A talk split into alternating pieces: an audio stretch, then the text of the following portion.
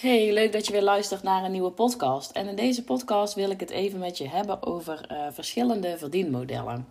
En over hoe jij je bedrijf hebt ingericht en hoe jij zorgt voor je inkomsten.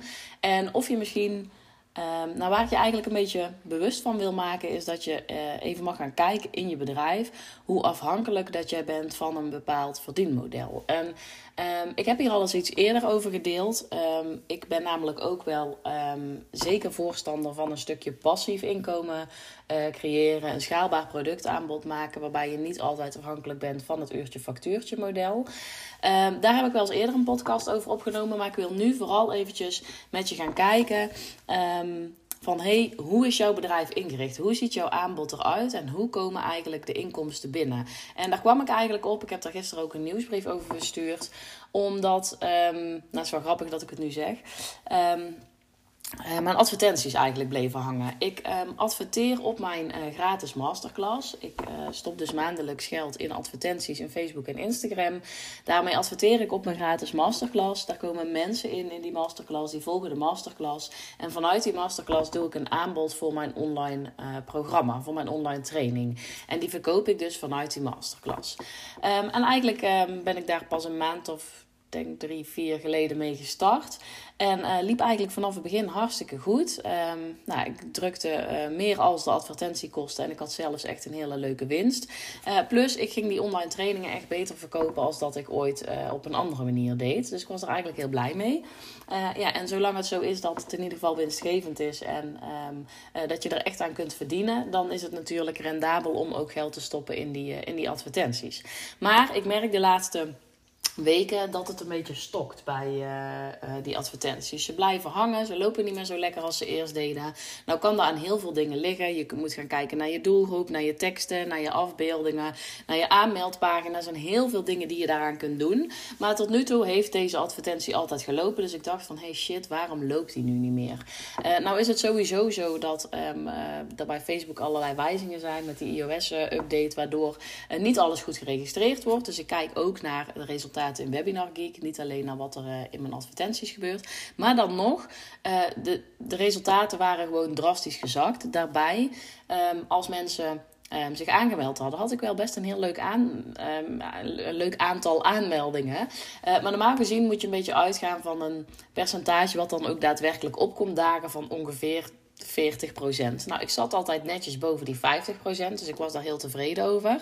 En de laatste tijd zakte het gewoon steeds meer, van 30% naar zelfs naar 20%. Nou, ik hoorde het overal om me heen, dus ik had ook zoiets, volgens mij is dit echt de tijd van het jaar. En niet zozeer, want dat dacht ik eerst, dat mensen denken het is te warm, dat ze iets beters te doen hebben, dat ze lekker barbecue gepland hebben en dat ze denken nou laat die masterclass van haar maar zitten waar ik me voor heb aangemeld. Maar meer, uh, daar had ik dus met een buddy uh, over gisteren en die wees mij daarop. Uh, die zei Um, zou het niet kunnen, te maken kunnen hebben met het feit dat de vakantie eraan zit te komen? Dat mensen al met hun hoofd bij de vakantie zitten. Dat ze toewerken na de vakantie. En dat ze nu dus niet denken van dit is echt het moment om nog even een website online te gaan knallen.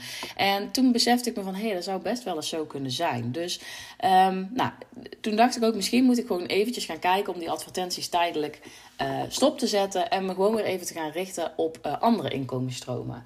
Daar ga ik dus op terugkomen. Wat ik nu even kort wil zeggen is dat het wel heel grappig is dat ik dus gisteren dit met haar besprak. Dat het al weken een beetje slecht loopt. En dat sinds gisteren ineens echt ik mega veel aanmeldingen voor die masterclass krijg. Dus misschien heb ik ook een soort van uh, teken het universum ingestuurd. dat ik aanmeldingen wil, want ineens stroomt hij als een malle. Uh, dus ik laat hem lekker nog even aanstaan en ik kijk even wat nu de opkomst doet. Maar goed, terugkomend op het feit van stel nou dat het niet zou gaan lopen. Stel dat ik alle opties geprobeerd had om uh, alles te optimaliseren. Mijn teksten, mijn doelgroepen, uh, mijn budget. Dat ik alles aangepast had en uitgeprobeerd had. Maar dat die advertenties gewoon niet lopen. En dat het bijvoorbeeld ligt aan een bepaalde tijd van het jaar. Of je ziet toch altijd een beetje een trend in die advertenties. Bepaalde maanden lopen ze heel goed, bepaalde maanden lopen ze minder. Um, maar stel nou dat ik helemaal afhankelijk was van die masterclass. Dat ik op die manier alleen mijn online training kon verkopen. Dan liep ik nu eigenlijk best wel vast. En um, twee jaar geleden, toen ik startte, toen had ik gewoon maar één manier van werken. En dat was uurtje factuurtje. Ik maakte een product voor een klant, ehm, vaak in projectvorm, en daar kreeg ik voor betaald. Uh, maar ik wist al vrij snel toen ik startte van hé, hey, ik wil ook een andere inkomensstroom opzetten. Ik wil niet alleen afhankelijk zijn van dit uurtje factuurtje model. Want stel, uh, het gaat daar een periode iets minder, of ik voel me niet zo lekker, of ik word ziek, of ik ben op vakantie. Dan wil ik ook iets hebben wat door kan draaien, waarbij ik niet steeds aanwezig hoef te zijn. Daarom ben ik vrij snel gaan kijken naar een passief inkomensmodel. Dus wat kan ik daarvoor uh, organiseren? Daarom ben ik ook online trainingen gaan maken. Uh, maar ook hoe ga je dan die online trainingen verkopen? Want nu doe ik het dus via een masterclass. Um, en daar adverteer ik op. Maar goed, nu valt, stel dat de advertenties wegvallen, dat ze super duur worden of dat er gewoon niemand zich aanmeldt. Hoe ga ik dan aan die aanmeldingen voor die masterclass komen? En dat vind ik belangrijk dat je daarna gaat kijken. En dat hoeft dus niet meteen wanneer je start met je bedrijf. Hè. Dus het is niet zo dat wanneer je je eerste klanten nog moet gaan vinden, dat je nu al na moet gaan denken van hoe kan ik op vijf verschillende manieren uh, geld gaan verdienen. Maar op een bepaald punt is het zeker wel interessant om in ieder geval te gaan kijken naar de mogelijkheden en naar de kanalen die je inzet. En wat als het ene wegvalt heb je dan nog iets anders? Want ik adviseer dus wel altijd, zeker wanneer je start en zeker het eerste half jaar, focus gewoon lekker op uh, één kanaal en ga daarna pas uitbreiden naar verschillende kanalen. Maar zelf ben ik dit jaar ook echt teruggestapt naar minder kanalen. Ik zette namelijk denk ik wel 10 kanalen in voor mijn marketing. Maar dat werd super overweldigend. Dus ben ik teruggestapt naar drie of vier kanalen.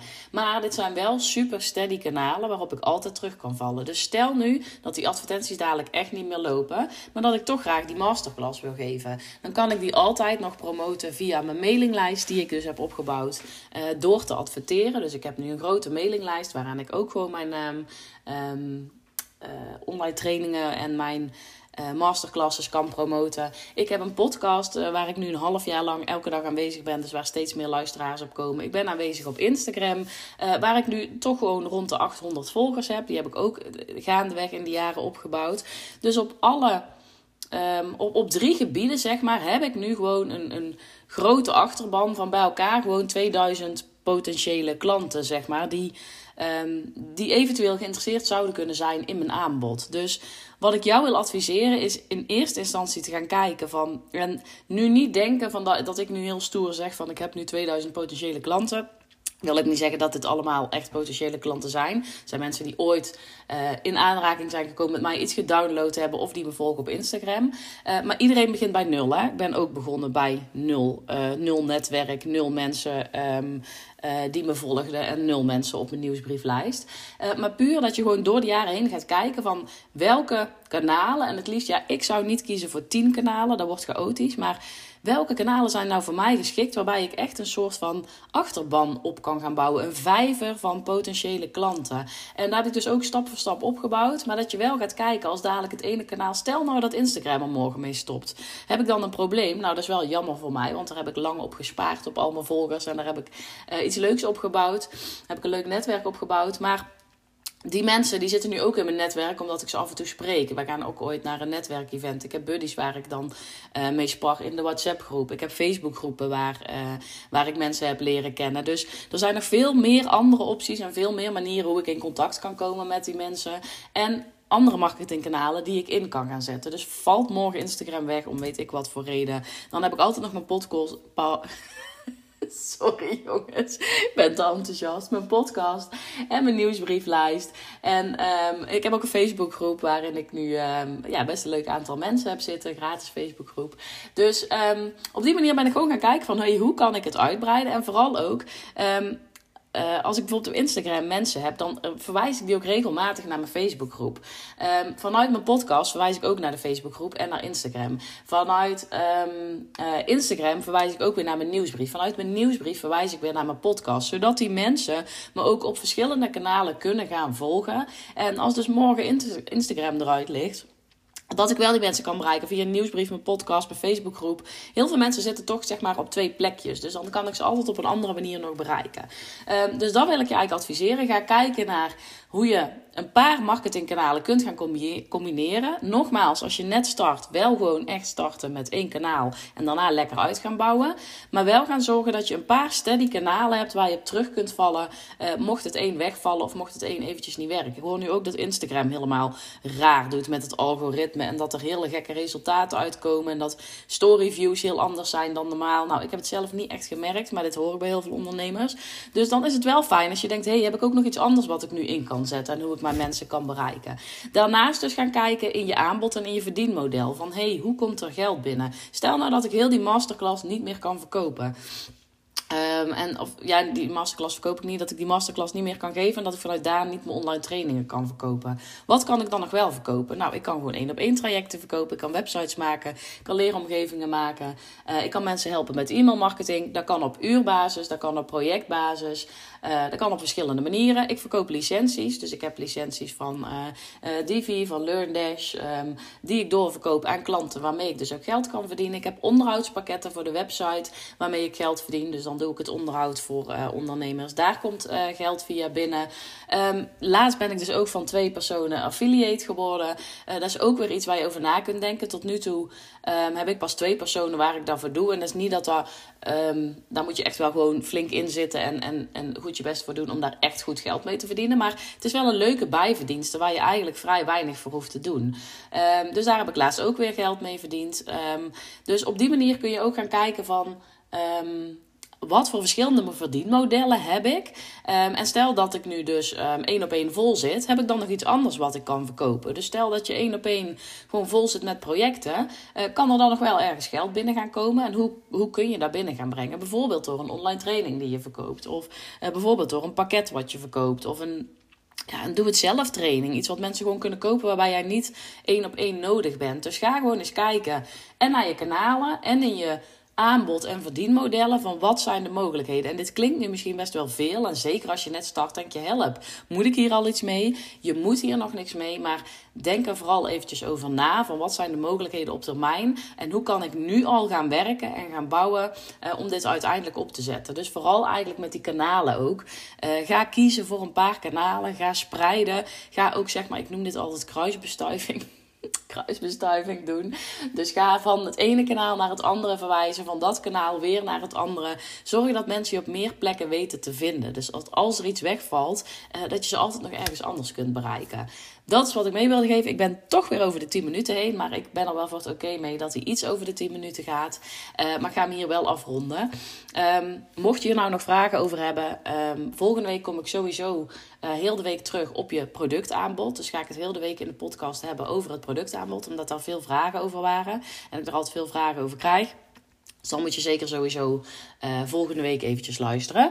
Uh, maar dit was hem voor nu. Um, ik hoop dat je er iets aan hebt. En um, ik wens je een hele fijne dag. Nogmaals eventjes de vraag. Als je iets hebt aan deze podcast, als je er blij mee bent. Zou je hem dan eventjes willen beoordelen in het beginscherm? Dan uh, word ik beter gevonden en kunnen meer mensen mijn podcast gaan vinden. Nou, als je dat wil doen, heel fijn. En ik hoor je in de volgende.